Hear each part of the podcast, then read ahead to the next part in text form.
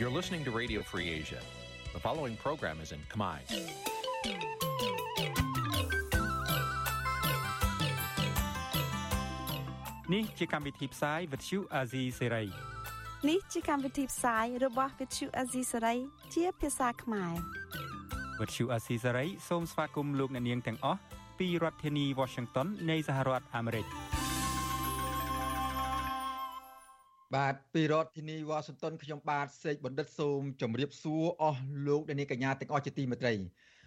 ខ្ញុំសូមជូនកម្មវិធីផ្សាយសម្រាប់រាត្រីថ្ងៃសុក្រមួយកើតខែបុស្សឆ្នាំខាលចត្វាស័កពុទ្ធសករាជ2566ត្រូវនឹងថ្ងៃត្រូវនឹងថ្ងៃសុក្រទី23ខែធ្នូគ្រិស្តសករាជ2022បាទជាដំបូងនេះសូមអញ្ជើញអស់លោកអ្នកនាងស្ដាប់ព័ត៌មានប្រចាំថ្ងៃដែលមានមេតិការដូចតទៅ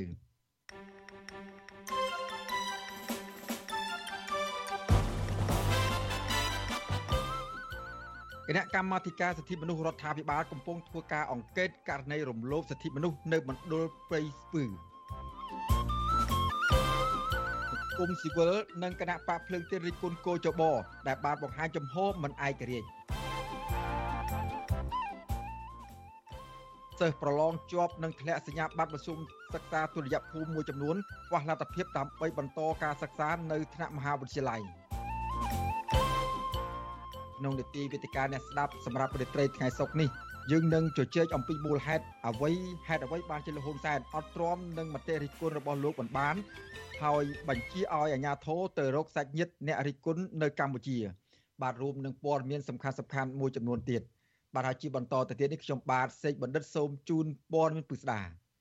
បាទលោកនាងកញ្ញាជាទីមេត្រីយុវជនមួយចំនួនលើកឡើងថាការបោះឆ្នោតតំណាងរាស្ត្រឆ្នាំ2023ខាងមុខ ទំនងជាមិនអាចប្រព្រឹត្តទៅដោយសេរី និងយុត្តិធម៌តាមបែបប្រជាធិបតេយ្យបាននោះទេ បាទនេះគឺជាដោយសារតែស្ថាប័នរៀបចំការបោះឆ្នោតខ្វះឯករាជ្យហើយបរិយាកាសនយោបាយនៅតែបន្តអាប់អួរក៏ប៉ុន្តែពួកគេថាម្ចាស់ឆ្នោតមិនអាចបោះបង់ចោលតម្លៃសិលឹកឆ្នោតរបស់ខ្លួនបានឡើយហើយត្រូវតែចូលរួមគ្រប់ដំណាក់កាលនៃការបោះឆ្នោតនេះបាទពីរដ្ឋធានីវ៉ាស៊ីនតោនលោកយ៉ងច័ន្ទរារាយការណ៍ជុំវិញព័ត៌មាននេះ ក្រមយុវជនជឿជាក់ថាការបោះឆ្នោតជ្រើសតាំងតំណាងរាស្ត្រនីតិកាលទី7នឹងមិនអាចប្រព្រឹត្តទៅដោយសេរីត្រឹមត្រូវនឹងយុត្តិធម៌ឡើយក៏ប៉ុន្តែប្រជាពលរដ្ឋមិនត្រូវបាក់ទឹកចិត្តនោះទេ ពីព្រោះនេះគឺជាព្រឹត្តិការណ៍ដ៏សំខាន់ដែលអាចផ្លាស់ប្ដូរជោគវាសនារបស់ជាតិនិស្សិតផ្នែកច្បាប់កញ្ញាហេងកំសួរថ្លែងថាអញ្ញាធរគៀបសង្កត់សិទ្ធិសេរីភាពប្រជាពលរដ្ឋនិងចាប់អ្នកនយោបាយគណៈបកប្រឆាំងដាក់ពន្ធនាគារជាបន្តបន្ទាប់ ស្របពេលគណៈកម្មាធិការជាតិរៀបចំការបោះឆ្នោតហៅកាត់ថាកោជបស្ថិតនៅក្រោមអធិបុលគណៈបកកណ្ដាលអំណាចកញ្ញាថាកត្តាទាំងនេះហើយដែលมันអាចធ្វើឲ្យការបោះឆ្នោត មានភាពសេរីត្រឹមត្រូវនឹងយុត្តិធម៌ឡើយក៏ប៉ុន្តែយុវជនរូបនេះនៅតែលើកទឹកចិត្តដល់ម្ចាស់ឆ្នោតឲ្យចូលរួមគ្រប់ដំណាក់កាលនៃការបោះឆ្នោតដើម្បីជ្រើសរើសមេដឹកនាំដែលខ្លួនពេញចិត្ត ដរាបណាប្រជាពលរដ្ឋខ្មែរយើង នៅមានសង្ឃឹមនៅជឿជាក់លើគណៈបកណាមួយដែលយើងគិតថាគាត់អាចជួយទៅដល់ប្រទេសកម្ពុជាយើងបានគាត់គួរណាតែបោះឆ្នោតទាំងអស់គ្នាដើម្បីការផ្លាស់ប្ដូរពីរបបដែលជិះជាន់ប្រជាពលរដ្ឋខ្លួនឯងស្រដៀងគ្នានេះយុវជនមួយរូបទៀតថ្លែងថាម្ចាស់ឆ្នោតឬក៏យុវជនមួយចំនួន ប្រហែលជាគិតថាទៅបោះឆ្នោត ឬក៏មិនទៅបោះគឺជារឿងដូចតែគ្នា ពីព្រោះតែស្ថាប័នរៀបចំការបោះឆ្នោតស្ថិតនៅក្រោមឥទ្ធិពលរបស់គណៈបកកណ្ដាលអំណាចហើយគណៈបកមួយចំនួនមិនអាចឲ្យពួកគាត់ជឿទុកចិត្តបានក៏ប៉ុន្តែកញ្ញាថានេះគឺជាការយល់ខុសមួយចលឹកគឺមានតម្លៃខ្លាំងណាស់ក្នុងការជឿរើសអ្នកតំណាងដើម្បីដោះស្រាយអំពីបញ្ហាដែលយើងជួបប្រទះបើសិនជាយើងមិនប្រើចលឹកឆ្នោតនឹងឲ្យមានតម្លៃទេនោះអ្នកដឹកនាំនឹងធ្វើបាបយើងនៅពេលដែលយើងបោះឆ្នោតហើយដូចគ្នា យុវជនមួយរូបទៀតដែលជាអគ្គលេខាធិការសមាគមនិស្សិតបញ្ញវន្តខ្មែរលោកថនសក្តាយល់ឃើញថាគណៈបកប្រជាជនកម្ពុជារបស់លោកហ៊ុនសែននឹងអាចកាន់អំណាចបន្តទៀតនៅក្នុងអាណត្តិទី7ពីព្រោះតែកោជបកំពុងគ្រប់គ្រងដោយគណៈបកកណ្ដាលអំណាចហើយគណៈបកប្រឆាំងទើបទៅធ្វើសកម្មភាពខ្លាំងក្លាឡើងវិញក្រោមស្លាកគណៈបកភ្លើងទៀនក៏ប៉ុន្តែលោកថារឿងនេះមិនគួរជាបញ្ហាដែលធ្វើឲ្យម្ចាស់ឆ្នោតអស់សង្ឃឹមនោះឡើយ។ ខ្ញុំសំណូមពរឲ្យប្រជាពលរដ្ឋខ្មែរមានភាពក្លាហានទៅចុះឈ្មោះបោះឆ្នោតពិនិត្យឈ្មោះបោះឆ្នោតហើយបោះឆ្នោតគណៈបកដែលគាត់ស្រឡាញ់គាត់គិតថាអាចជួយជាតិបានគាត់ជ្រើសរើសគូសស្លឹកឆ្នោតដោយសម្ងាត់ទៅក្រមយុវជនបញ្ចេញទស្សនៈបែបនេះស្របពេលការបោះឆ្នោតនឹងប្រព្រឹត្តទៅនៅក្នុងរយៈពេលជាង6ខែទៀតគឺនៅថ្ងៃអាទិត្យទី23ខែកក្កដាខាងមុខលទ្ធផលបណ្ដោះអាសន្នរបស់គូជបបង្ហាញថា ចំនួនពលរដ្ឋមានឈ្មោះនៅក្នុងបញ្ជីបោះឆ្នោតសម្រាប់ឆ្នាំ2023អាចមានចំនួនដល់9លាន5សែននាក់ដែលកើនឡើងលើសការបោះឆ្នោតឃុំសង្កាត់ប្រមាណ3សែននាក់នៅក្នុងនោះអ្នកចុះឈ្មោះបោះឆ្នោតថ្មីមានចំនួនជាង570,000នាក់ឆ្លើយតបទៅនឹងមតិរិះគន់របស់ក្រមយុវជនទៅលើអព្យាក្រឹតភាពរបស់គោជបនេះអ្នកនាំពាក្យស្ថាប័នមួយនេះគឺលោកហងពុធាថ្លែងថាថ្នាក់ដឹកនាំគោជបមិនមែនជាសមាជិកគណៈបកណាមួយនោះទេ ហើយគោជបអនុវត្តទូនីតិស្របទៅតាមច្បាប់និងបទបញ្ញត្តិនានាតកតងទៅនឹងការគៀបសង្កត់សិទ្ធិនយោបាយរបស់សមាជិកបកប្រឆាំងវិញលោកហងពុធានិយាយដដែលដដែលថា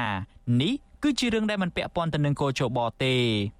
ទោះមកពីខាងណាក៏ដោយមកពី NGO ក៏ដោយមកពីគណៈបកណាក៏ដោយគឺត្រូវបំពេញទូនីតិស្របតាមបទបញ្ជាផ្ទៃក្នុងបាទនេះគឺជាចំណុចដែលបង្ហាញអំពីអភិក្រិតភាពរបស់សមាជិកកោជបបាទ បញ្ហាបុគ្គលរូបណាលោកមានបញ្ហាអ្វីពាក់ព័ន្ធនឹងតុលាការនោះមិនមែនជាដែនគាត់កិច្ចរបស់កោជបទេណាអ្នកណាធ្វើអីគឺទទួលផលបែបហ្នឹងស្របទៅតាមច្បាប់បើទោះបីជាលោកហងពុធាព្យាយាមបកស្រាយថាកោជបជាស្ថាប័នឯករាជ្យនិងអព្យាក្រឹតយ៉ាងណាក្តីក៏សមាជិកភាពដឹកនាំរបស់កោជបហាក់បង្ហាញភាពលំអៀងទៅរកគណៈបកកណ្ដាលអំណាចរួចទៅហើយពីព្រោះសមាជិកទាំង9រូបនៃកោជបបច្ចុប្បន្ននេះ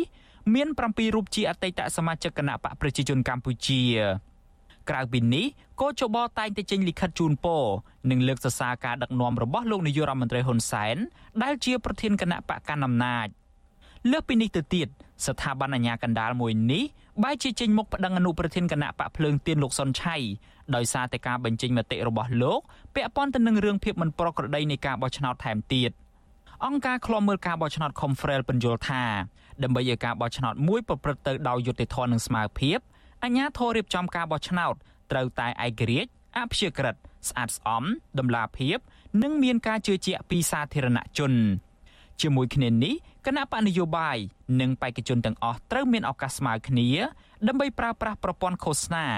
និងមានសិទ្ធិទទួលបានសន្តិសុខដោយគ្មានការគំរាមកំហែង ការបំផិតបំភ័យព្រមទាំងមានសិទ្ធិធ្វើសកម្មភាពឃោសនាដោយសេរីគ្មានការរារាំងការរំខាន និងមានសវត្ថភាពបុគ្គលគ្រប់រូបនិងគណៈបកនយោបាយទាំងអស់មានសិទ្ធិឲ្យច្បាប់ការពារហើយមានសិទ្ធិឲ្យមានការដោះស្រាយការរំលោភបំពាននានាទៅលើសិទ្ធិនយោបាយនិងសិទ្ធិបោះឆ្នោតរបស់ខ្លួនជុំវិញរឿងនេះអគ្គលេខាធិការសហព័ន្ធនិស្សិតបញ្ញវន្តកម្ពុជា លោកគៀនពន្លកថ្លែងថាយុវជននិងម្ចាស់ឆ្នោតទូទៅ គួរតែចូលរួមនៅក្នុងដំណើរការបោះឆ្នោតនាពេលខាងមុខដោយក៏មានការភ័យខ្លាចការគំរាមកំហែងនិងកុំឲ្យគេទិញទឹកចិត្តបានលោកបន្ថែមថាការបោះឆ្នោតខាងមុខអាចប្រព្រឹត្តទៅដោយសេរីនិងយុត្តិធម៌ហើយមានការទទួលស្គាល់ជាអន្តរជាតិទៅបានលុះត្រាតែរដ្ឋាភិបាលបើកលំហសិទ្ធិនយោបាយដោះលែងសកម្មជនដែលកំពុងតែជាប់ឃុំ និងជាពិសេសកែតម្រង់ស្ថាប័នកោជប ការចូលរួមរបស់យុវជន ការចូលរួមរបស់ប្រជាពលរដ្ឋខ្មែរគឺពិតជាមានសារៈសំខាន់ណាស់នៅក្នុងសង្គមប្រជាធិបតេយ្យជាពិសេសយុវជននិងប្រជាពលរដ្ឋគឺជាកម្លាំងចលករមួយដែលធ្វើឲ្យប្រទេសជាតិមានការរីកចម្រើនតាមរយៈការជ្រើសរើសតំណាងរបស់ខ្លួនតាមគោលការណ៍នៃលទ្ធិប្រជាធិបតេយ្យដើម្បីទៅដឹកនាំប្រទេសនៅក្នុងឱកាសទិវាសិទ្ធិមនុស្សអន្តរជាតិ10ធ្នូកាលពីពេលថ្មីថ្មីនេះ ក្រុមអង្គការសង្គមស៊ីវិលចំនួន33ស្ថាប័នបានចេញសេចក្តីថ្លែងការណ៍រួមគ្នាសម្ដែងក្តីព្រួយបារម្ភអំពីស្ថានភាពធ្លាក់ចុះនៃដំណើរការប្រជាធិបតេយ្យនិងការបន្តរដ្ឋបិទសិទ្ធិមនុស្សជាពិសេសគឺសិទ្ធិនយោបាយក្រៅពីទទូចឲ្យរដ្ឋាភិបាលគោរពនិងកែលម្អស្ថានភាពសិទ្ធិមនុស្សហើយនោះក្រុមអង្គការសង្គមស៊ីវិលក៏អំពាវនាវឲ្យកែតម្រង់ស្ថាប័នកោជបដើម្បីបង្កើនឯករាជ្យនិងភាពអាចជឿទុកចិត្តបាន ព្រមទាំងកែប្រែច្បាប់មួយចំនួនដើម្បីធានាបាននូវសិទ្ធិបោះឆ្នោតរបស់ប្រជាពលរដ្ឋផងដែរខ្ញុំយ៉ងច័ន្ទដារាវិទ្យុអាស៊ីសេរីរាយការណ៍ពីរដ្ឋធានី Washington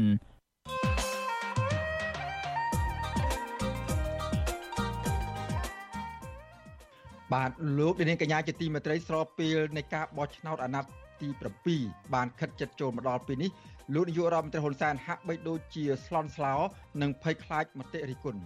បាទលោកហ៊ុនសែនមិនត្រឹមតែខ្លាចការរិះគន់អំពីរឿងអសមត្ថភាពនៅក្នុងការដឹកនាំប្រទេសជាតិនោះទេសូម្បីតែរឿងយុវជនស៊ូងនិពន្ធរិះគន់លោកអំពីការភ្នាល់បាល់ចាញ់គេនោះក៏លោកខឹងសម្បានឹងប្រកាសតាមរកម្ដាយឪពុកយុវជននោះដល់ផ្ទះដែរបាទតើមូលហេតុអ្វី បានជាលោកហ៊ុនសែនអត់ទ្រាំនឹងរឿងមតិរិះគន់លោកមិនបាន តើយុវជនស៊ូងនិពន្ធតក់ស្លុតនិងភ័យខ្លាចរឿងលោកហ៊ុនសែនប្រកាសតាមរកឪពុកម្ដាយដល់ផ្ទះនេះដែរឬទេ បាទសូមលោករនាង រងចាំតាមដានស្ដាប់និងទស្សនាកិច្ចពិភាក្សាក្នុងនីតិវេទិកាអ្នកស្ដាប់របស់វិទ្យុអសិរ័យនៅក្នុងរាត្រីនាពេលបន្តិចទៀតនេះបាទហើយបើសិនជាលោកនាងមានបំណងចង់ចូលរួមមតិយោបល់ឬមួយក៏មានសំណួរសួរផ្ទាល់ទៅកាន់វាគ្មិនរបស់យើងសូមលោកនាងដាក់លេខទូរស័ព្ទនៅក្នុងខ្ទង់ comment ដែលកំពុងផ្សាយផ្ទាល់តាមរយៈ YouTube និង Facebook នៅពេលនេះក្រុមការងាររបស់វិទ្យុអសិរ័យនឹងហៅត្រឡប់ទៅលោកអ្នកវិញបាទសូមអរគុណ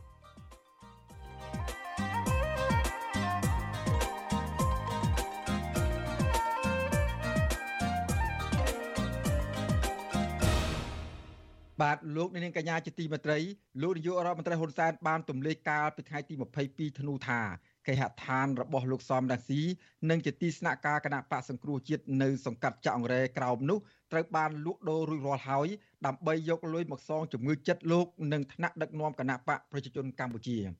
បាទប្រព័ន្ធឃោសនារបស់លោកហ៊ុនសែនបានចុះផ្សាយថា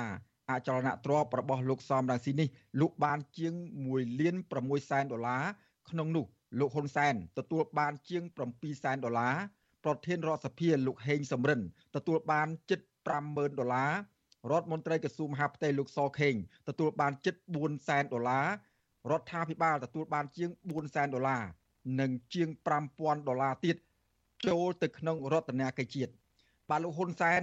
អះអាងថាសំណងនេះមិនទាន់គ្រប់គ្រាន់នៅឡើយទេ ពីព្រោះលោកសំរងស៊ីត្រូវបង់សំណងដល់សរុបជាង2លានដុល្លារតាមសាលក្រមរបស់តុលាការក្នុងសំណុំរឿងដែលត្រូវបានប្តឹងដោយលោកសខេងនិងលោកហេងសំរិនកាលពីពេលកន្លងទៅនេះបាទចៅក្រមតុលាការក្រុងភ្នំពេញលោកអឹមវណ្ណៈបានចេញដីកាលក់អចលនទ្រព្យរបស់លោកសំរងស៊ីនេះកាលពីខែវិច្ឆិកាឆ្នាំ2021ទៅតាមការចង់បានរបស់លោកហ៊ុនសែននិងក្រុមមេដឹកនាំនៃគណៈបកប្រជាជនកម្ពុជា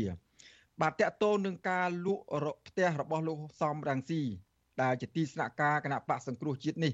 អ្នកប្រើប្រាស់បណ្ដាញសង្គម Facebook ជាច្រើនបានបញ្ចេញមតិយោបល់ថានេះជាទង្វើដ៏កំសាបំផុត និងជាអំពើចោរកម្មប្រព្រឹត្តដោយលោកហ៊ុនសែននិងក្រុមមេដឹកនាំគណៈបកកាន់អំណាចបាទជាមួយគ្នានេះអ្នកវិភាគនយោបាយលោកកឹមសុខសរសេរថា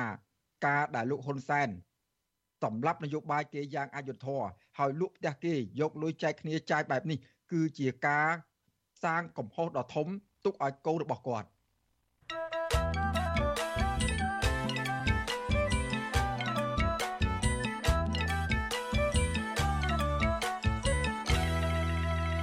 បាទលោកនាងកញ្ញាជាទីមេត្រីលោកនាងកំពុងតាមដានស្ដាប់ការផ្សាយរបស់វិទ្យុអស៊ីសេរីពីរដ្ឋធានីវ៉ាស៊ីនតោនសហរដ្ឋអាមេរិកបាទឥឡូវនេះយើងងាកទៅមើលស្ថានភាពការរំលោភសិទ្ធិមនុស្សនៅមណ្ឌលសង្គមកិច្ចព្រៃស្ពឺនៅវិញ បាទមន្ត្រីគណៈកម្មាធិការសិទ្ធិមនុស្សរដ្ឋាភិបាលកំពុងអង្កេតករណីរំលោភសិទ្ធិមនុស្សនៅមណ្ឌលសង្គមកិច្ចព្រៃស្ពឺក្រោយអង្គការលីកាដូរកឃើញថាការរំលោភសិទ្ធិមនុស្សធ្ងន់ធ្ងរនៅទីនោះមន្ត្រីសិទ្ធិមនុស្សស្នើសុំឲ្យរដ្ឋាភិបាលឲ្យចុះស្រាវជ្រាវករណីនេះដោយតម្លាភាពដើម្បីរកឲ្យឃើញការពិតដែលបានកើតឡើងនៅក្នុងមណ្ឌលព្រៃស្ពឺនិងឈានទៅដល់ការកែលម្អឲ្យមានការគោរពសិទ្ធិមនុស្សឡើងវិញបាទពីរដ្ឋធានី Washington អ្នកស្រីម៉ៅសុធីនីរាយការណ៍ជុំវិញព័ត៌មាននេះ ក្រុមមន្ត្រីជំនាញនៃគណៈកម្មាធិការសិទ្ធិមនុស្សរដ្ឋាភិបាលបានចុះទៅមណ្ឌលសង្គមកិច្ចប្រៃពឺហើយនៅពេលនេះដើម្បីស្រាវជ្រាវឲ្យដឹងថានៅទីនោះមានការរំលោភសិទ្ធិមនុស្សដូចជាការរកឃើញរបស់អង្គការលីកាដូឬក៏យ៉ាងណាទោះយ៉ាងណាស្ថាប័នសិទ្ធិមនុស្សរបស់រដ្ឋាភិបាលមួយនេះមិនទាន់បង្ហាញតម្រុយណាមួយនៃការរកឃើញរបស់ខ្លួននៅឡើយទេខណៈកំពុងស្ថិតក្នុងដំណាក់កាលអង្កេតនៅឡើយអ្នកនាំពាក្យគណៈកម្មាធិការសិទ្ធិមនុស្សរបស់រដ្ឋាភិបាលលោកកតាអូនប្រាប់វិទ្យុស៊ីស្រីនៅថ្ងៃទី23ខែធ្នូថាមន្ត្រីជំនាញនៃស្ថាប័នរបស់លោកកំពុងធ្វើការអង្កេតលើចំណុចសំខាន់សំខាន់មួយចំនួនរួមមាន ដំណើរការសកម្មភាពនៃមណ្ឌលសង្គមគិច្ចប្រៃស្ពឺ និងរបាយការណ៍នានាស្តីពីការរំលោភសិទ្ធិមនុស្សនៅក្នុងមណ្ឌលប្រៃស្ពឺលោកបន្តថានៅពេលអង្កេតសពគ្រប់ស្ថាប័នរបស់លោកនឹងធ្វើសេចក្តីសន្និដ្ឋាន ដែលឈានដល់ការបំភ្លឺជូនសាធារណជនឲ្យបានដឹងពីករណីនេះយើងធ្វើការអង្កេតចប់និងពិនិត្យមើលទៅវិញរបាយការណ៍របស់គណៈកម្មការសុខាកម្ពុជា និងរបាយការណ៍របស់ក្រសួងសុខាភិបាលគណៈកម្មការសុខាកម្ពុជានឹងធ្វើសេចក្តីសន្និដ្ឋានរួមមួយអំពីករណីនេះដូច្នេះនៅពេលខាងមុខនេះយើងនឹងបានព័ត៌មានរបាយការណ៍ពិតប្រាកដមួយអំពីករណីនៅទីស្ពឺនេះ វត្ថុអសីស្រីមិនអាចសុំការបំភ្លឺពីអ្នកនាំពាក្យក្រសួងសង្គមគិច្ចលោកតូចច័ន្ទនីបានទេនៅថ្ងៃទី23ខែធ្នូទោះយ៉ាងណាលោកកតាអូនឲ្យដឹងថាក្រមមន្ត្រីជំនាញនៃក្រសួងសង្គមគិច្ចនឹងចុះទៅអង្កេតនៅមណ្ឌលសង្គមគិច្ចប្រៃស្ពឺនៅសប្តាហ៍ក្រោយលោកឲ្យដឹងទៀតថាគណៈកម្មាធិការសិទ្ធិមនុស្សរបស់រដ្ឋាភិបាលក៏នឹងធ្វើការងារនេះជាមួយក្រសួងសង្គមគិច្ចផងដែរ។ របាយការណ៍ដែលគណៈកម្មការសិទ្ធិមនុស្សកម្ពុជារកឃើញនឹងជូនទៅសួងសុំកិច្ចយើងនឹងពិនិត្យមើលតាមការជាក់ស្ដែងថាតើដំណោះស្រាយដូចដេចការកែលម្អដូចដេចឬមួយក៏គ្មានអ្វីកើតឡើងទេយើងបន្តធ្វើការងារដូចដេចនេះជាអ្វីដែលយើងនឹងធ្វើនៅពេលដែលយើងមានរបាយការណ៍មួយនៅក្នុងដៃច្បាស់លាស់ក្រោយពីការអង្កេតរបស់គណៈកម្មការសិទ្ធិមនុស្សកម្ពុជានិងក្រសួងសុខភាពទៅលើបញ្ហានេះ ដូចទៅនឹងការអះអាងរបស់អ្នកនាំពាក្យគណៈកម្មាធិការសិទ្ធិមនុស្សរបស់រដ្ឋាភិបាលនេះដែរអ្នកនាំពាក្យក្រសួងសង្គមគិច្ចលោកតូចច័ន្ទនីប្រាប់សារព័ត៌មានក្នុងស្រុកឲ្យដឹងកាលពីថ្ងៃទី21ខែធ្នូថាប៉ះសិនបើមានការរកឃើញករណីរំលោភសិទ្ធិមនុស្សនៅមណ្ឌលព្រៃស្ពឺដូចជាការរកឃើញរបស់អង្គការលីកាដូនោះក្រសួងនឹងចាត់វិធានការដោះស្រាយដើម្បីកែលម្អមណ្ឌលសង្គមគិច្ចព្រៃស្ពឺឡើងវិញ។ ទោះជាយ៉ាងណានាយកទទួលបន្ទុកទូតនៃអង្គការលីកាដូលោកអំសំអាតមិនសង្ឃឹមថាក្រសួងសង្គមគិច្ចអាចដោះស្រាយបញ្ហានេះប្រកបដោយប្រសិទ្ធភាពនោះឡើយលោកអំសំអាតឲ្យដឹងថាកន្លងមក នៅពេលដែលអង្គការលីកាដូនិងអង្គការសិទ្ធិមនុស្សអន្តរជាតិផ្សេងទៀតបានរកឃើញពីការរំលោភសិទ្ធិមនុស្សនៅមណ្ឌលព្រៃស្ពឺតែងតែឃើញក្រសួងសង្គមគិច្ចបានចុះទៅដោះស្រាយបញ្ហានោះក៏ប៉ុន្តែលោកថាក្រោយមួយរយៈមកករណីរំលោភសិទ្ធិមនុស្សនៅតែកើតមានដដែលមន្ត្រីសិទ្ធិមនុស្សរូបនេះស្នើទៅក្រសួងសង្គមគិច្ចនិងស្ថាប័នពាក់ព័ន្ធក្រោយពេលដែលស្រាវជ្រាវរួចហើយនោះគួរចាត់វិធានការលើរឿងនេះឲ្យបានតឹងរឹង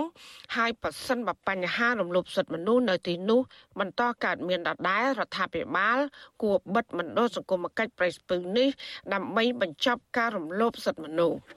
ការចាត់វិធានការ យ៉ាងម៉េចដើម្បីកុំឲ្យមណ្ឌលនេះនៅតែជាមណ្ឌលឃុំឃាំងមនុស្សដោយមិនត្រឹមត្រូវតាមច្បាប់ហើយជាមណ្ឌលដែលរំលោភសិទ្ធិមនុស្សធ្ងន់ធ្ងរណាយល់យល់ឃើញថា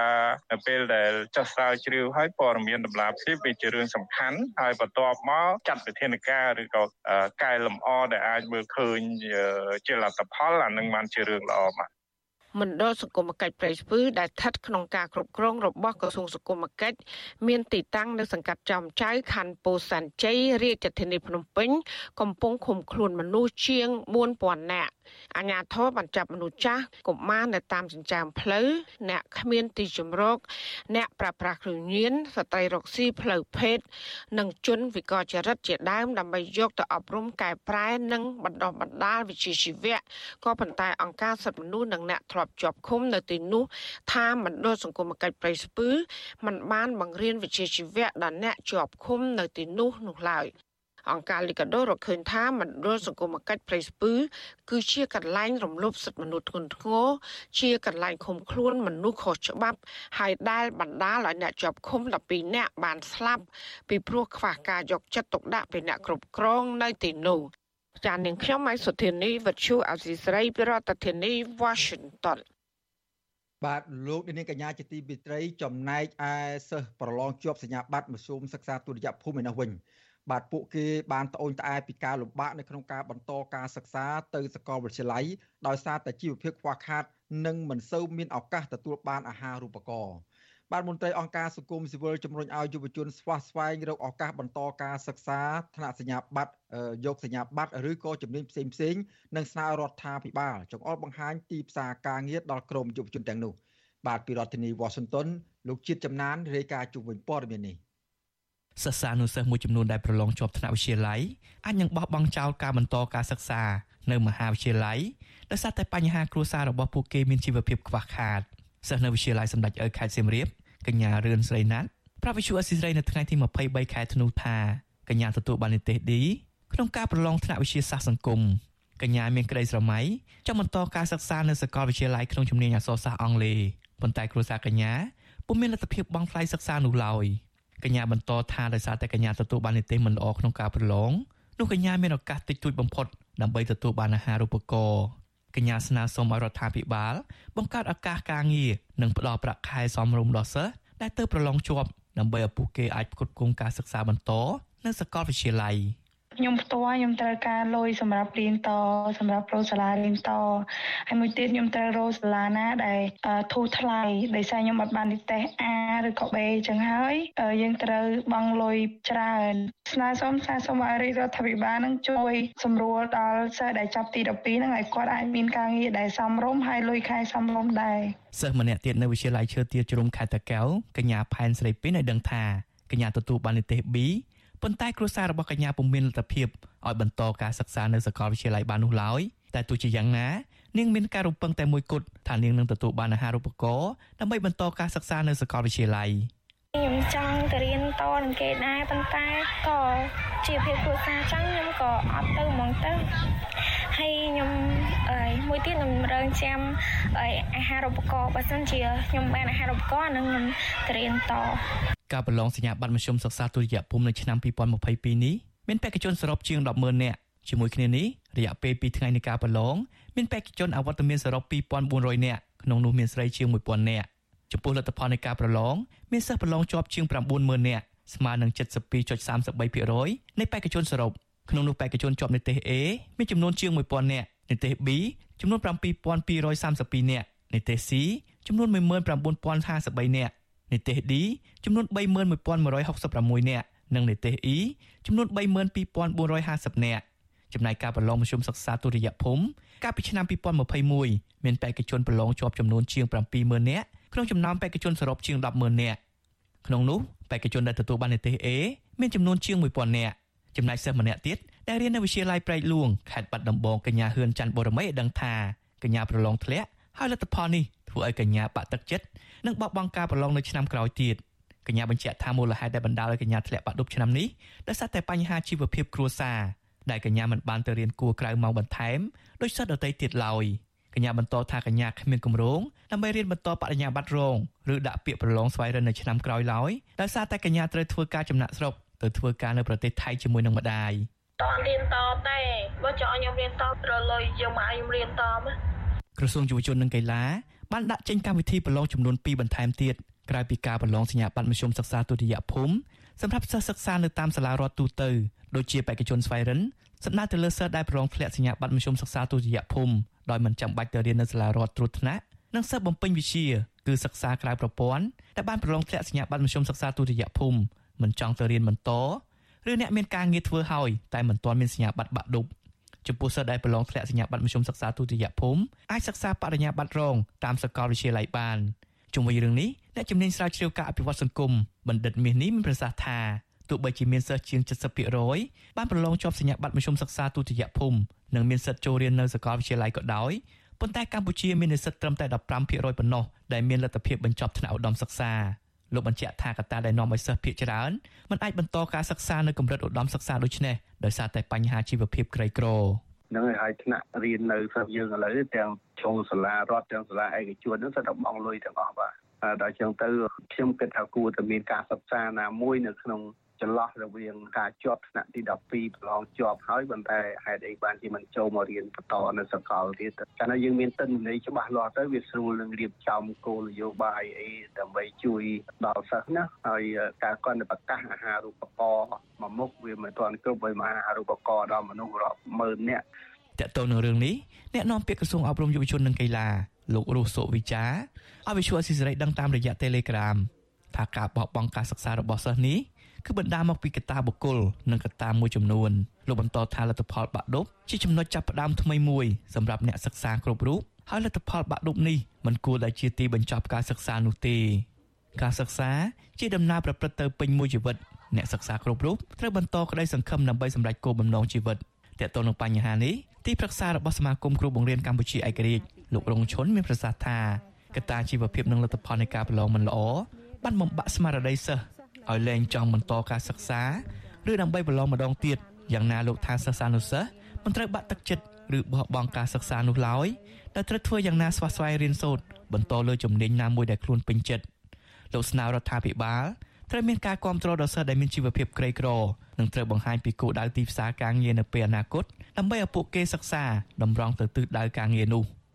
រដ្ឋាភិបាលក៏ដូចជាក្រសួងអប់រំត្រូវគេថាការចង្អុលបង្ហាញទិសហើយត្រូវចេះប្រមាណមើលថាកម្ពុជាយើង4ឆ្នាំទៅទៀតវាមានទីផ្សារអីដែលច្រើនអានឹងត្រូវចង្អុលបង្ហាញប្រាប់យុវជនដើម្បីឲ្យយុវជនរៀនទៅចេញទៅចំទឹកដៅមានការងារធ្វើធ្វើហើយធ្វើទៅតាមជំនាញតែម្ដងរបាយការណ៍របស់ក្រសួងអប់រំយុវជននិងកីឡាបានបង្ហាញថានៅក្នុងឆ្នាំសិក្សាឆ្នាំ2021-2022 អត្រាសិស្សដែលបោះបង់ការសិក្សានៅកម្រិតមធ្យមសិក្សាទុតិយភូមិឬកម្រិតវិទ្យាល័យមានប្រមាណជាង18%និងអត្រាត្រួតថ្នាក់1.1%ចំណែកអត្រាបោះបង់ការសិក្សានៅតាមកម្រិតមធ្យមសិក្សាបឋមភូមិឬកម្រិតអនុវិទ្យាល័យមានចំនួនជាង16%និងអត្រាសិស្សត្រួតថ្នាក់មានជាង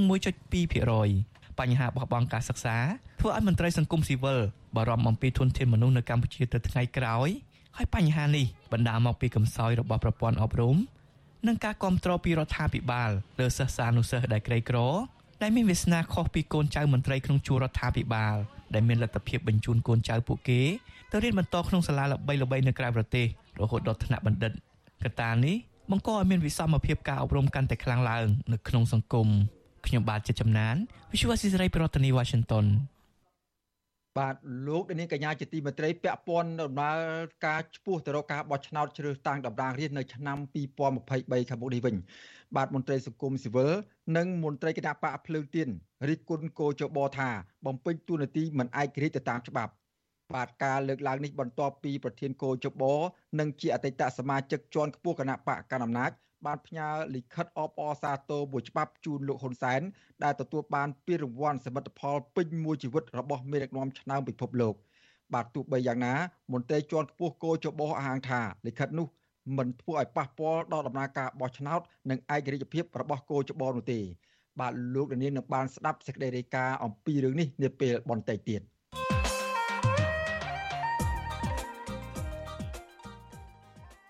បាទលោកនាងកញ្ញាជាទីមេត្រីស្របពេលនៃការបោះឆ្នោតអាណត្តិទី7បានខិតជិតចូលមកដល់នេះពេលនេះលោកនាយករដ្ឋមន្ត្រីហ៊ុនសែនហាក់បីដូចជាស្លន់ស្លោនិងភ័យខ្លាចមតិរិះគន់លោកហ៊ុនសែនមិនត្រឹមតែខ្លាចការរិះគន់អំពីរឿងអសមត្ថភាពនៅក្នុងការដឹកនាំប្រទេសជាតិនោះទេសូម្បីតែរឿងយុវជនសួងនៀពាន់រិះគន់លោកអំពីការភ្នាល់បាល់ពិភពលោកចាញ់គេក៏លោកខឹងសម្បានិងប្រកាសតាមរកឪពុកម្ដាយយុវជននោះដល់ផ្ទះថែមទៀតផង។ បាទតើមូលហេតុអ្វីបានជាលោកហ៊ុនសែនអត់ទ្រាំនឹងរឿងមតិរិះគន់លោកមិនបានបាទថាតើយុវជនសួងនិពន្ធតក់ស្លុតនិងភ័យខ្លាចរឿងលោកហ៊ុនសែនប្រកាសតាមរកឪពុកម្ដាយដល់ផ្ទះនោះដែរឬទេ បាទសូមលោកនាង រងចាំស្ដាប់នេតិវេទិកាអ្នកស្ដាប់របស់វិទ្យុអេស៊ីស្រីដែលនឹងចាប់ផ្ដើមនាពេលបន្តិចទៀតនេះ បើសិនជាលោកដានាងមានបំណងចង់ចូលរួមផ្ដល់ជាមតិយោបល់ឬមួយក៏មានសំណួរសួរទៅកាន់វិលក្មេងរបស់យើងសូមលោកដានាងដាក់លេខទូរស័ព្ទនៅក្នុងខ្ទង់ comment តាម Facebook និង YouTube ដែលកំពុងផ្សាយផ្ទាល់របស់វិទ្យុអសីស្រីនៅពេលនេះយើងខ្ញុំនឹងហៅត្រឡប់ទៅលោកអ្នកវិញបាទសូមអរគុណ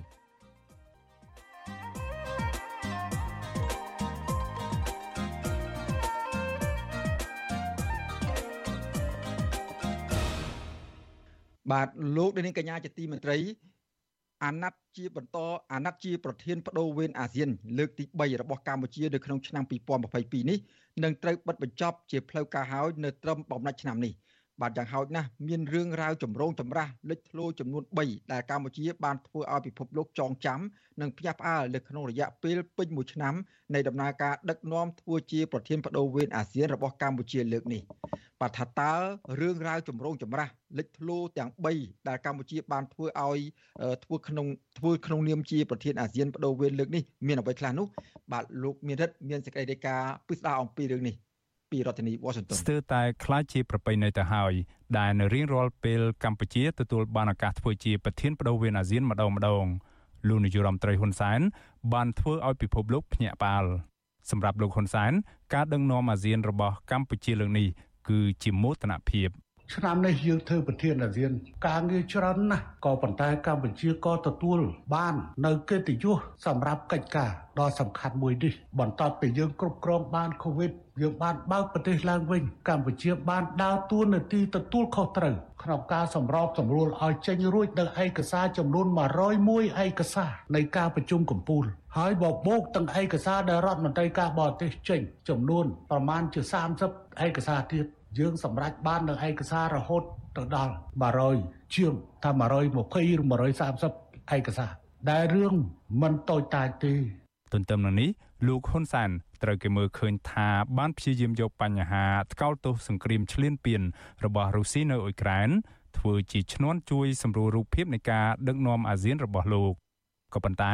នៅចំពោះមោទនភាពដែលលោកហ៊ុនសានអះអាងថាកម្ពុជាសម្រេចបាននឹងនាំមកនៅកិត្តិយសខ្ទោខ្ទានេះកម្ពុជារបស់លោកក៏បានបន្សល់ទុកនៅគេដំណែលដ៏ចម្រូងចម្រាសចំនួន3ដែលធ្វើឲ្យពិភពលោកភ្ញាក់ផ្អើលមិនតិចទេ លើកនេះក៏មិនខុសពីលើកមុនដែរការភ្ញាក់ផ្អើលទី1ដ៏លេចធ្លោជាងគេនោះគឺគ្មានអ្វីក្រៅពីកម្ពុជារបស់លោកបន្តធ្វើជាកូនអុករបស់ប្រទេសចិន សម្រាប់តំបន់អាស៊ានទាំងមូល បើទោះបីជាការធ្វើកូនអុករបស់ចិនលើកនេះមិនឈានរហូតដល់ថ្នាក់ទៅកម្ពុជា យកអាស៊ានទាំងមូលធ្វើជាចំណាប់ខ្មាំងក្នុងរឿងរ៉ាវចំនួនដណ្ដើមអធិបតេយ្យលើប្រជុំកោះនៅតំបន់សមុទ្រចិនខាងត្បូងក៏ដោយក៏រឿងរ៉ាវចម្រូងចម្រាសប្រហាក់ប្រហែលគ្នានេះបានកើតមានឡើងជាក់ស្ដែងនៅមុនពេលបញ្ចប់តំណែងជាប្រធានបដូវវេនអាស៊ាន លោកហ៊ុនសែនមិនភ្លេចឡើយជួយឡង់សេផ្សាយពាណិជ្ជកម្មឲ្យចិនដោយលោកជំរុញឲ្យតំបន់អាស៊ានទាំងមូល បង្កើនទំនាក់ទំនងជាមួយប្រទេសនេះកាន់តែស៊ីជម្រៅបន្ថែមទៀតអាស៊ាននិងចិនចាំបាច់ទៅប្រោតការយកចិត្តទុកដាក់បង្កើនកិច្ចសហប្រតិបត្តិការលើគ្រប់វិស័យឲ្យកាន់តែស៊ីជម្រៅបន្ថែមទៀតជាពិសេសលើការពន្លឿនការធ្វើសមាហរណកម្មសង្គមសេដ្ឋកិច្ចការលុបបំបាត់របាំងពាណិជ្ជកម្មការពង្រឹងភាពធន់នៃខ្សែចង្វាក់ផ្គត់ផ្គង់ និងផលិតកម្មក្នុងតំបន់ព្រមទាំងចាប់យកនៅកាលានុវត្តភាពថ្មីថ្មីពីសេដ្ឋកិច្ច Digital កំណើនបៃតងអន្តរកាលធម្មពលនិងការបង្កើនសមត្ថភាពសហគ្រិនមេក្រូមីក្រូធុនតូចនិងបញ្ជុរឿងរ៉ាវពាក់ព័ន្ធនឹងចិននៅមិនទាន់បញ្ចប់ត្រង់នេះទេទំនងជាចង់ស្អំចិត្តក្រុមមេដឹកនាំអាស៊ាន និងក្រុមមេដឹកនាំពិភពលោកដែលមកចូលរួមកិច្ចប្រជុំកំពូលអាស៊ាននៅកម្ពុជាលើកនេះ លោកហ៊ុនសានបានចាត់ចែងឲ្យផលិតនាឡិកាប្រណិតអាស៊ានចំនួន25គ្រឿងសម្រាប់ទុកចែកជាវត្ថុអនុស្សាវរីយ៍ជូនដល់ក្រុមមេដឹកនាំពិភពលោកទាំងនេះលោកហ៊ុនសែនទំនងជាខ្លាយជាមេដឹកនាំអាស៊ានទី1ដែលហ៊ានចំណាយប្រាក់ច្រើនសន្ធឹកសន្ធាប់សម្រាប់វត្ថុអនុស្សាវរីយ៍ទាំងនេះបើតាមលោកនាឡិកាទាំងនេះមានតម្លៃសរុបប្រមាណកន្លះលានដុល្លារអាមេរិកឬស្មើនឹងជាង20,000ដុល្លារក្នុងមួយគ្រឿងមួយគ្រឿង លោកអះអាងថាលោកមិនបានប្រើប្រាស់ថវិកាជាតិសម្រាប់ផលិតនាឡិកាដៃទាំងនេះទេក៏ប៉ុន្តែគឺជាថវិកាដែលបានមកពីក្រុមហ៊ុនឯកជន ដែលលោកមិនបញ្ចេញឈ្មោះទោះយ៉ាងណានាឡិកាដៃប្រណិតទាំងនេះត្រូវបានផលិតឡើងដោយក្រុមហ៊ុនឈ្មោះ Prince Horology ដែលមានឫសគល់ចេញមកពីក្រុមហ៊ុនចិនរឿងរ៉ាវចម្រូងចម្រាសភ្ញាក់ផ្អើលទី2 គឺលោកហ៊ុនសែនបាននាំចេញសារគម្រាមកំហែងដល់ពលរដ្ឋអឺរ៉ុបដើមកំណត់ខ្មែរដែលហ៊ានចេញមុខធ្វើបាតកម្មប្រឆាំងនឹងលោកលោកបានថ្លែងសារគម្រាមកំហែងបែបនេះចេញពីទីក្រុង Brussels នៃប្រទេស Belgium ដែលជាបេះដូងប្រជាធិបតេយ្យនៃអឺរ៉ុបក្នុងពេលដែលលោកទៅចូលរួមដឹកនាំធ្វើជាសហប្រធាននៃកិច្ចប្រជុំកំពូលរំលឹកខួបលើកទី45នៃទំនាក់ទំនងអាស៊ាននិងសហភាពអឺរ៉ុប នៅទីក្រុងប្រូសែលពួកយើងក៏ចាំថតដែរចាំមើលមើលបានប្រមាណហើយថតឲ្យបានមុខទៀតមើលសនុកស្រួលយកទៅបិទនៅពោនៅពោចតុបនិយាយចឹងមិនមែនគម្រាមថាអីមកចូលស្រុកអីទេប៉ុន្តែចង់ដឹងមុខអ្នកឯងហើយក៏ចង់តាមរកគ្រួសារអ្នកឯងនៅក្នុងស្រុកខ្មែរតើមិនទៅហើយកុំលេងហាងបានមកនៅស្រុកក្រៅហើយគិតថានៅនៅស្រុកប្រាំងនៅអឺរ៉ុបហ្នឹងសិតតែក្រុមអ្នកឯង ក្រៅពីភាពចម្រូងចម្រាសនៅអឺរ៉ុបនេះនៅឯទឹកដីអាមេរិកឯនោះវិញលោកក៏បានបន្សល់ទុកនៅភាពចម្រូងចម្រាសមួយទៀតដែលคล้ายជាសុបិនអាក្រក់ដិតដាមតំណែងជាប្រធានបដូវវេនអាស៊ានរបស់លោកនោះគឺលោកបានបំបីឯកតកម្មคล้ายជាមេដឹកនាំអាស៊ានដំបូងគេបង្អស់ដែលទទួលបាននៅរង្វាន់គប់ស្បែកជើងតម្រង់ក្បាលរបស់លោកក្នុងពេលដែលលោកទៅចូលរួមដឹកនាំធ្វើជាសហប្រធាននៃកិច្ចប្រជុំកំពូលពិសេសអាស៊ានសហរដ្ឋអាមេរិក លោកហ៊ុនសែនឆ្លើយតបរឿងនេះដោយគម្រាមមេបពប្រឆាំងក្នុងស្រុកថាពួកគេអាចទទួលនៅរឿងរ៉ាវស្រដៀងគ្នានេះនៅកម្ពុជាប៉ះសិនបើពួកគេចាត់ទុកថាអំពើគប់ស្បែកជើងនេះគឺជាសេរីភាពនៃការបញ្ចេញមតិ រឿងរ៉ាវចម្រូងចម្រាសចុងក្រោយ ដែលដណ្ដើមគេដំណែលកម្ពុជា ក្នុងនាមជាប្រធានបដូវវេនអាស៊ានក្នុងឆ្នាំ2022នេះគឺការចាត់ចែងដោះស្រាយបញ្ហាវិបត្តិនយោបាយនៅប្រទេសភូមាឬមីយ៉ាន់ម៉ាដែលមិនបានសម្រេចទាំងដែលលោកមិនអាចដោះស្រាយបញ្ហាវិបត្តិប្រជាធិបតេយ្យនៅក្នុងស្រុកខ្លួនឯងបានផង។ លោកបានក្លាយជាមេដឹកនាំក្នុងតំបន់ដំបងគេបង្អស់ដែលបានធ្វើដំណើរទៅជួបមេដឹកនាំរដ្ឋប្រហារយោធានៅប្រទេសភូមាក្នុងពេលដែលពិភពលោកទាំងមូលកំពុងថ្កោលទោសក្រុមមេដឹកនាំយោធាភូមាថាអាចជាប់ពាក់ព័ន្ធទៅនឹងអំពើឧក្រិដ្ឋកម្មប្រឆាំងមនុស្សជាតិលោកថែមទាំងឆ្លៀតឱកាសនោះសម្ដៅកូនកូនរបស់លោក ទៅជួបផ្ទាល់ជាមួយក្រុមមេដឹកនាំយោធាភូមាដើម្បីឈានទៅបង្កើនកិច្ចសហប្រតិបត្តិការបណ្ដុះបណ្ដាលកងកម្លាំងពិសេសទៅវិញទៅមកហេតុការណ៍នេះត្រូវគេមើលឃើញថាដើម្បីពង្រឹងអំណាចផ្ដាច់ការនៅក្នុងតំបន់អាស៊ាន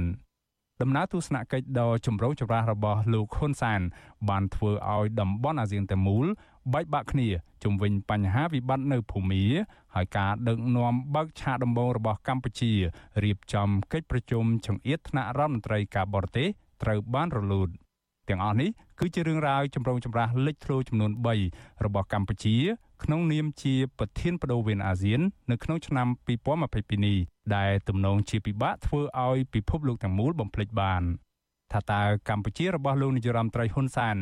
នឹងបន្តបង្កើតបាននៅរឿងរ៉ាវចម្រូងចម្រាសលេចធ្លោបែបណាខ្លះទៀតក្នុងពេលដឹកនាំធ្វើជាប្រធានអាស៊ានលើកក្រោយនេះគេត្រូវរងចាំយ៉ាងហោចណាស់10ឆ្នាំទៀតទើបអាចដឹងចម្លើយនេះខ្ញុំបាទមេរិត Visual C ស្រីរាយការណ៍ពីរដ្ឋធានី Washington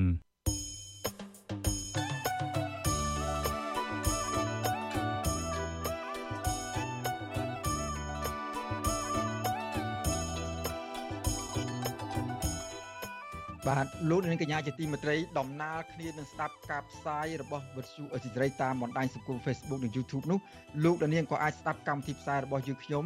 តាមរយៈរលកធារកាសខ្លីឬ Shortwave តាមកម្រិតនិងកម្ពស់ដូចតទៅនេះបាទពេលព្រឹកចាប់ពីម៉ោង5កន្លះដល់ម៉ោង6កន្លះតាមរយៈរលកធារកាសខ្លីប៉ុស FW 9.39 MHz ស្មើនឹងកម្ពស់ 32m និងប៉ុស SW 11.85 MHz ស្មើនឹងកម្ពស់ 25m បាទនៅពេលយប់ចាប់ពីម៉ោង7កន្លះដល់ម៉ោង8កន្លះតាមរយៈប៉ុស SW 9.39 MHz ស្មើនឹងកម្ពស់ 32m ប៉ុស SW 11.85 11.88 MHz ស្មើនឹងកម្ពស់ 25m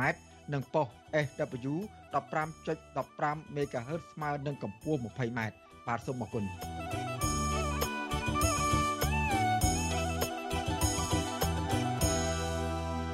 បាទលោកនាងកញ្ញាជាទីមេត្រីងាកទៅសេចក្តីរាយការណ៍ពីតំបន់ព្រំដែនខ្មែរថៃនៅវិញបាទពលរដ្ឋរស់នៅជាប់ព្រំដែនថៃមួយចំនួនបានត្អូញត្អែពីការលំបាកចេញចូលធ្វើការងារនិងដោះដូរទំនិញនៅតាមទៅតាមនៅទៅកាន់ផ្សារថៃជាប់ព្រំដែនដោយសារតែអាញាធរកម្ពុជានិងថៃមិនបើកច្រកព្រំដែនឲ្យបានទូលំទូលាយនិងតម្រូវឲ្យមានបានឆ្លងដែន បាទការត្អូញត្អែនេះធ្វើឡើងបន្ទាប់ពីនៅតាមច្រកទ្វារព្រំដែនកម្ពុជានិងថៃមានសភាពស្ងប់ស្ងាត់ដោយសារតែមិនសូវមានមនុស្សឆ្លងដែនទៅផ្សារថៃព្រោះចំព្រោះត្រូវចំណាយប្រាក់ច្រើន ដែលធ្វើឲ្យប៉ះពាល់ដល់ការរកចំណូលដោះស្រាយជីវភាពប្រចាំថ្ងៃនៅតំបន់ព្រំដែននោះបាទលោកដានៀនបានស្ដាប់សេចក្តីរាយការណ៍ពិស្ដារអំពីរឿងនេះនៅព្រឹកស្អែកបាទហើយសេចក្តីរាយការណ៍ផ្សេងមួយទៀតនេះគម្រោងអភិវឌ្ឍមជ្ឈមណ្ឌលស្រាវជ្រាវនិងអភិវឌ្ឍកេសរកូល ដែលមានទំហំជាង2000ហិកតានៅស្ថិតនៅក្នុងតំបន់អភិរក្សភ្នំគូលែនខេត្តសៀមរាបកំពុងប៉ះពាល់ដល់ប្រជាពលរដ្ឋចំនួន3ភូមិពលរដ្ឋភ័យព្រួយខ្លាចក្រែងរបូតដីស្រែចម្ការគេឪពុកម្ដាយរបស់ពួកគាត់ទាំងស្រុងទៅកាន់ក្រុមហ៊ុនឯកជន បាទអ្នកភូមិជាង300គ្រួសារបានខកចិត្តនឹងអាជ្ញាធរមូលដ្ឋានរបស់គណៈបកកណ្ដាលអំណាចថាមិនបានអនុវត្តតាមការសន្យា នៅមុនពេលបោះឆ្នោតក្រុមប្រឹក្សាឃុំសង្កាត់នេះពេលកន្លងមកនោះទេ បាទលោកនាងក៏នឹងបានស្ដាប់សេចក្តីរាយការណ៍ពិស្ដារអំពីរឿងនេះនៅព្រឹកស្អែកដែរបាទចំណែកតកតងនឹងកិច្ចការបោះឆ្នោតវិញ បាទមន្ត្រីនិងមន្រដ្ឋមន្ត្រីសង្គមស៊ីវិលនិងមន្ត្រីគណៈបកភ្លើងទៀនរិះគន់គោចបថាបំពេញតួនាទីមិនឯករាជ្យទៅតាមច្បាប់ បាទការលើកឡើងនេះបន្ទាប់ពីប្រធានកោជបនិងជាអតីតសមាជិកជាន់ខ្ពស់គណៈបកកណ្ដាលអំណាចបានផ្ញើលិខិតអបអរសាទរមួយច្បាប់ជូនលោកហ៊ុនសែនដែលទទួលបានពានរង្វាន់សមិទ្ធផលពេញមួយជីវិតរបស់មេដឹកនាំឆ្នើមពិភពលោក បាទទោះយ៉ាងណាក្តីមន្ត្រីជាន់ខ្ពស់កោជបអាងថាលិខិតនោះមិនធ្វើឲ្យប៉ះពាល់ដល់ដំណើរការបោះឆ្នោត និងមិនប៉ះពាល់ដល់ឯករាជ្យភាពរបស់កោជបនោះឡើយបាទលោកនាងក៏នឹងបានស្ដាប់សេចក្តីរាយការណ៍ពិស្ដារអំពីរឿងនេះនៅព្រឹកស្អែកដែរ បាទលោកនាងកញ្ញាជាទីមេត្រីព័ត៌មានប្រចាំថ្ងៃលោកនេះទើបបានស្ដាប់ព័ត៌មានប្រចាំថ្ងៃដែលជម្រាបជូនដល់ខ្ញុំបាទសេកបណ្ឌិតពីរដ្ឋធានីវ៉ាស៊ីនតោនហើយជាបន្តទៅទៀតនេះសូមអញ្ជើញអស់លោករនាងរងចាំស្ដាប់នេតិវេទិកាអ្នកស្ដាប់របស់វិទ្យុអេស៊ីសរ៉ីដែលនឹងជម្រាបជូននិងសម្របសម្រួលដោយលោកទីនសាការីយ៉ា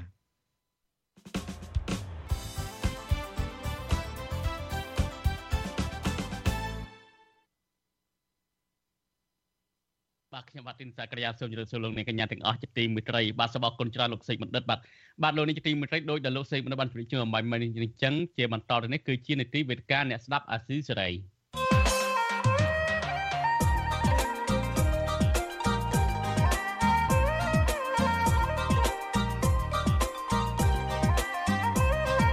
វេទិកាអ្នកស្ដាប់វិទ្យុអាស៊ីសេរី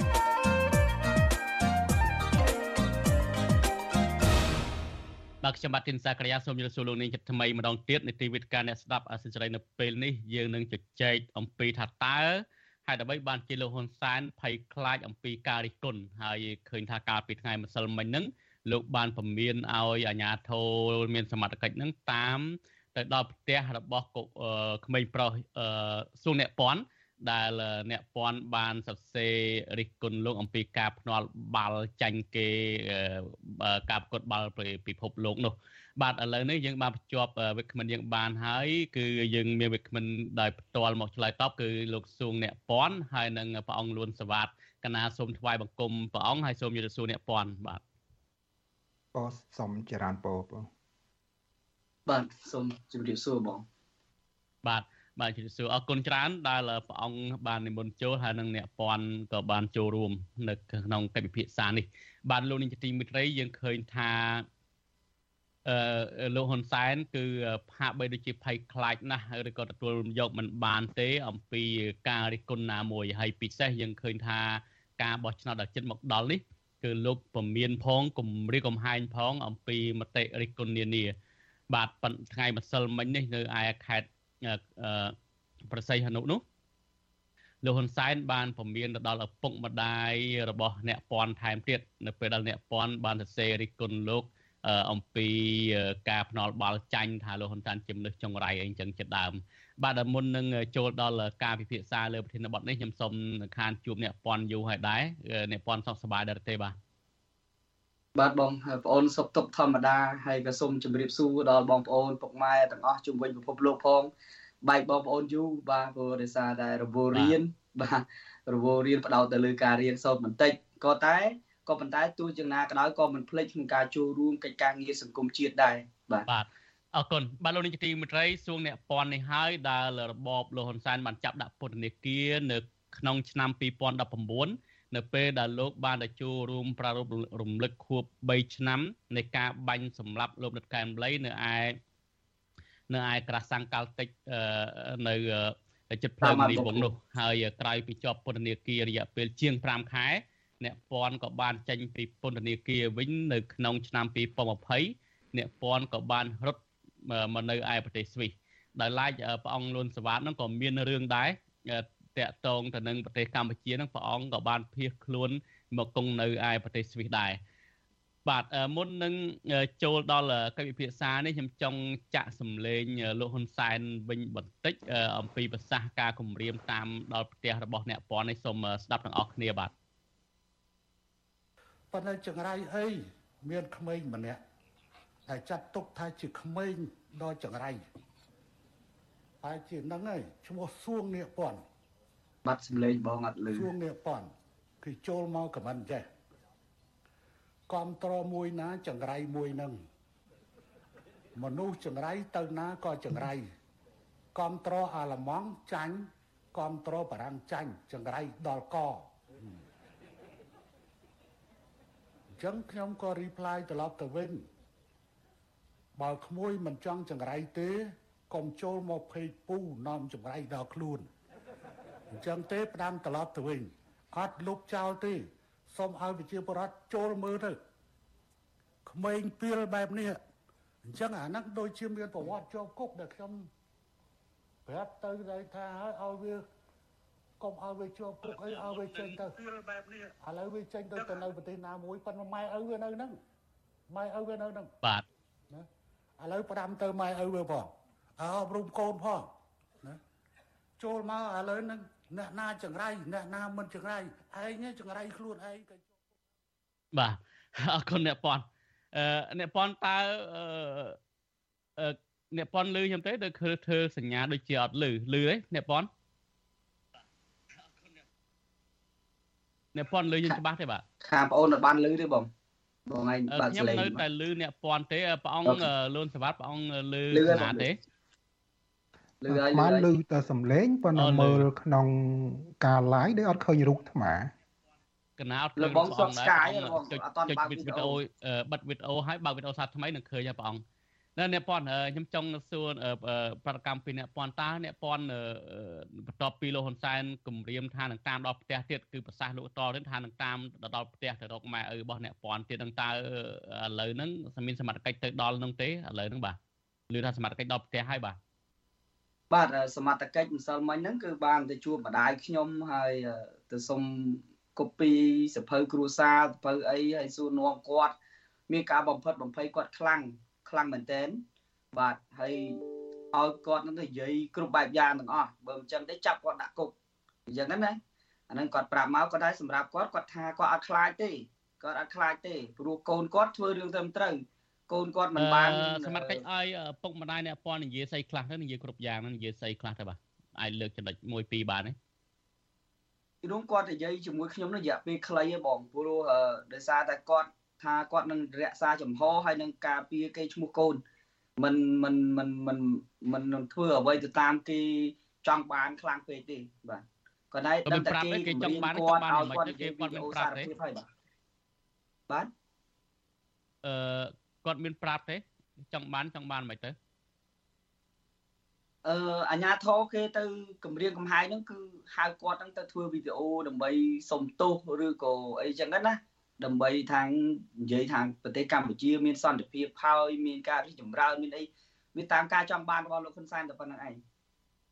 អឺបាទហើយគាត់រក្សាចំហថាមិនធ្វើតាមអញ្ចឹងហ៎អឺគាត់ថា អ្វីដែលគាត់អាចនិយាយបានគាត់និយាយគាត់តែអ្វីដែលប៉ះពាល់ទៅដល់គេឈ្មោះកូនគាត់អត់និយាយទេបាទបាទអរគុណអឺអ្នកប៉ុនចុះអឺអ្វីដែលលោកហ៊ុនសែនអឺអឺពមៀនអ្នកប៉ុនហៅថាក្មេងពីលអីនេះអឺអ្នកប៉ុនមានប្រតិកម្មបែបណាទៅ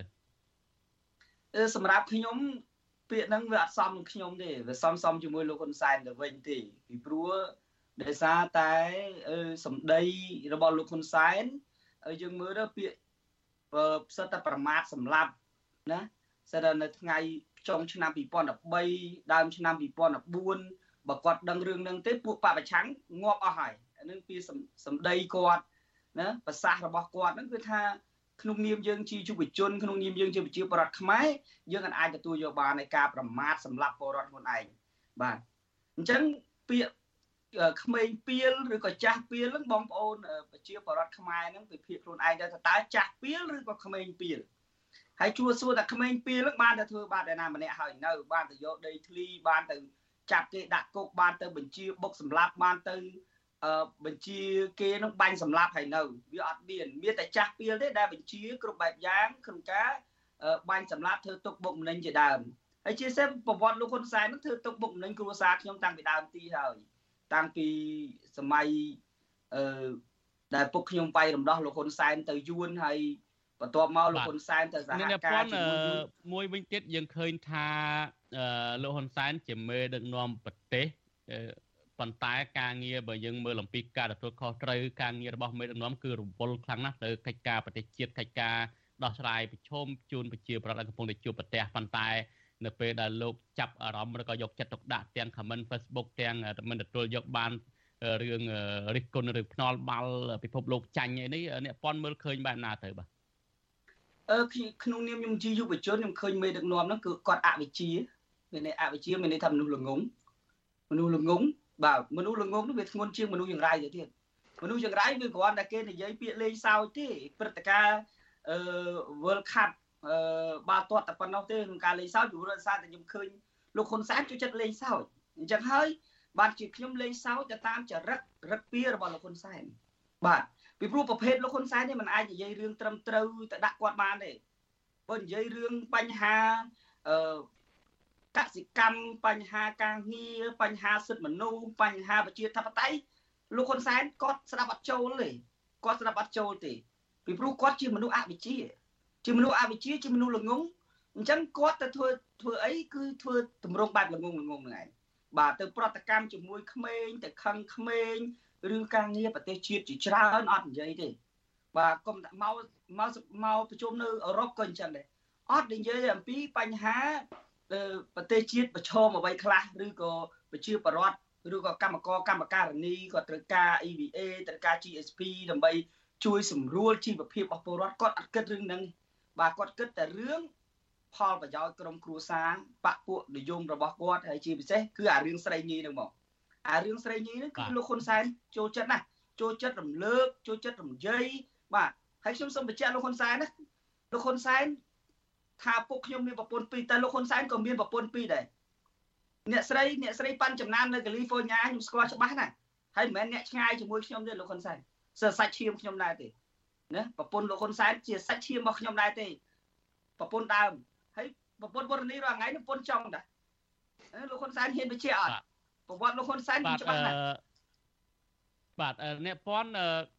ខ្ញុំចង់ងាកដល់រឿង comment លើ Facebook អំបញ្ញមិញហ្នឹងតើអ្នកពាន់ដែលថាលោកហ៊ុនសែនចង្រៃអីហ្នឹងខ្ញុំមានថាគ្រាន់តែចង់សរសេរឌឺដងលេងអីចឹងគាត់ថាលោកហ៊ុនសែនក៏ចូលចិត្តលេង Facebook ដែរអញ្ចឹងឬក៏យ៉ាងម៉េចហើយឬក៏លោក អ្នកពាន់ចង់សំដៅយ៉ាងម៉េចថាលោកហ៊ុនសែនចង្រៃឬក៏មានន័យអីផ្សេងក្រៅពីលេងទេឬក៏យ៉ាងម៉េចមានន័យវានៅក្នុងហ្នឹងវាប្រកបន័យដែរព្រោះលោកហ៊ុនសែនជាមនុស្សចង្រៃមែនមើលលើប្តឹងលោកសំរងស៊ីចាញ់ណាប្តឹងនៅតុលាការបារាំងចាញ់លោកសំរងស៊ីគ្រប់គ្រងអាល្លឺម៉ង់ចាញ់គ្រប់គ្រងបារាំងចាញ់ឃើញណាយើងខ្ញុំថាឆ្នាំ2020ចុងឆ្នាំ2020នេះលោកហ៊ុនសែនពិតជាចង្រៃមែន គឺគ្រប់គ្រងកន្លែងណាចាញ់កន្លែងហ្នឹង22ដូចជាប្តឹងដូចជាប្តឹងលោកសំរងស៊ីអញ្ចឹងគាត់មានជំនឿខ្លាំងណាគាត់ថាគាត់នឹងឈ្នះតុលាការនៅបារាំងតែចុងក្រោយយកតែមួយហ្វ្រង់ពីលោកសំរងស៊ីយកបានផងបាទប្រកបនៃបាទគុណច្រើនបាទលោកនាងទីមួយទៅបើសិនជាលោកនាងមានសំណួរចង់សួរមកកាន់វាគ្មិនរបស់យើងសូមលោកនាងដាក់លេខទូរស័ព្ទនៅក្នុងក្នុងខមមិនលើ Facebook YouTube ដែលយើងកំពុងតែផ្សាយផ្ទាល់នេះ យើងខ្ញុំនឹងហៅទៅលោកនាងវិញប្រធានបទដែលយើងជជែកគ្នានៅពេលថាតើមូលហេតុអ្វីជាចម្បង ដែលលោកហ៊ុនសែនមិនទទួលយកការរិះគន់ឬក៏ភ័យខ្លាចការរិះគន់កណាឃើញព្រះអង្គរងចាំយល់កណាសូមជម្រាបសួរព្រះអង្គលួនសវ៉ាតតកតងទៅនឹងដោយអ្នកពាន់បានបញ្យល់ហើយអ្វីដែលគោលដៅគាត់សរសេរ comment លើ Facebook ដូចជាចង់លេងសើចអីដែរទេហើយប៉ុន្តែយើងឃើញថាការដែលប្រតិកម្មខ្លាំងពីលោកនាយករដ្ឋមន្ត្រីកាលពីថ្ងៃម្សិលមិញហ្នឹងតើព្រះអង្គមើលឃើញបែបណាហើយ ថែមទាំងប្រកាសឲ្យអាជ្ញាធរតាមរកម៉ែឪដល់ផ្ទះហើយឥឡូវហ្នឹងអ្នកប៉ុនបានប្រាប់ថាសមត្ថកិច្ចទៅដល់គេហដ្ឋានរបស់លោកទៀតនឹងតើព្រះអង្គមើលឃើញបែបណាដែរនៅពេលនាយករដ្ឋមន្ត្រីដែលប្រតិកម្មជាមួយក្មេងប្រុសបែបនេះបាទសូមនិមន្តពោចរានពោញាតញោមពុទ្ធបរិស័ទបងប្អូនជនរួមជាតិញោមញាតទាំងនៅក្នុង ប្រទេសកម្ពុជាក៏ដូចជានៅក្រៅប្រទេសនានាទូទាំងពិភពលោក ជាពិសេសញាតិញោមកំពុងតាមដានទេសនានិងស្ដាប់ការផ្សាយផ្ទាល់វិទ្យុស៊ីសេរីនាថ្ងៃនេះពោហើយបើយើងយកពាក្យសម្ដីរវាងអ្នកពឿនបាននិយាយហើយនឹងនាយករដ្ឋមន្ត្រីខ្មែរគឺលោកហ៊ុនសែនអ្នកនិយាយហើយហ៊ុនសែនក៏ចោទ ទៅកូនក្មេងថាក្មេងពៀលអញ្ចឹងណាច្រើនពងតែឥឡូវនេះអ្នកពឿននោះកូនក្មេងនោះទៅហៅមនុស្សចាស់ថាចាស់ពៀលដែរអញ្ចឹងពោអញ្ចឹងរឿងពៀលនេះឯងដែលវានាំឲ្យកើតទៅជាបញ្ហានាំឲ្យកើតទៅជារឿងរ៉ាវទៅជាចំនួនឆ្លោះគ្នាមិនចេះជាប់មិនចេះហើយ នៅក្នុង ប្រទេសកម្ពុជាហ្នឹងណាអញ្ចឹងក្មេងពៀលចាស់ ពីលអ្នកនយោបាយពីលឬក៏គណៈបកពីលឬក៏ស្អីស្អីហ្នឹងគឺពពុទ្ធលោកសំដែងចែងទុកមកថាពាក្យថាពីលគឺសំដៅលើសេចក្តីល្ងងខ្លៅបងអញ្ចឹងបើសិនជាកូនក្មេងវាល្ងងខ្លៅវាពីលអញ្ចឹងវាមិនអាចបង្កការគ្រោះថ្នាក់ដល់អ្នកដតី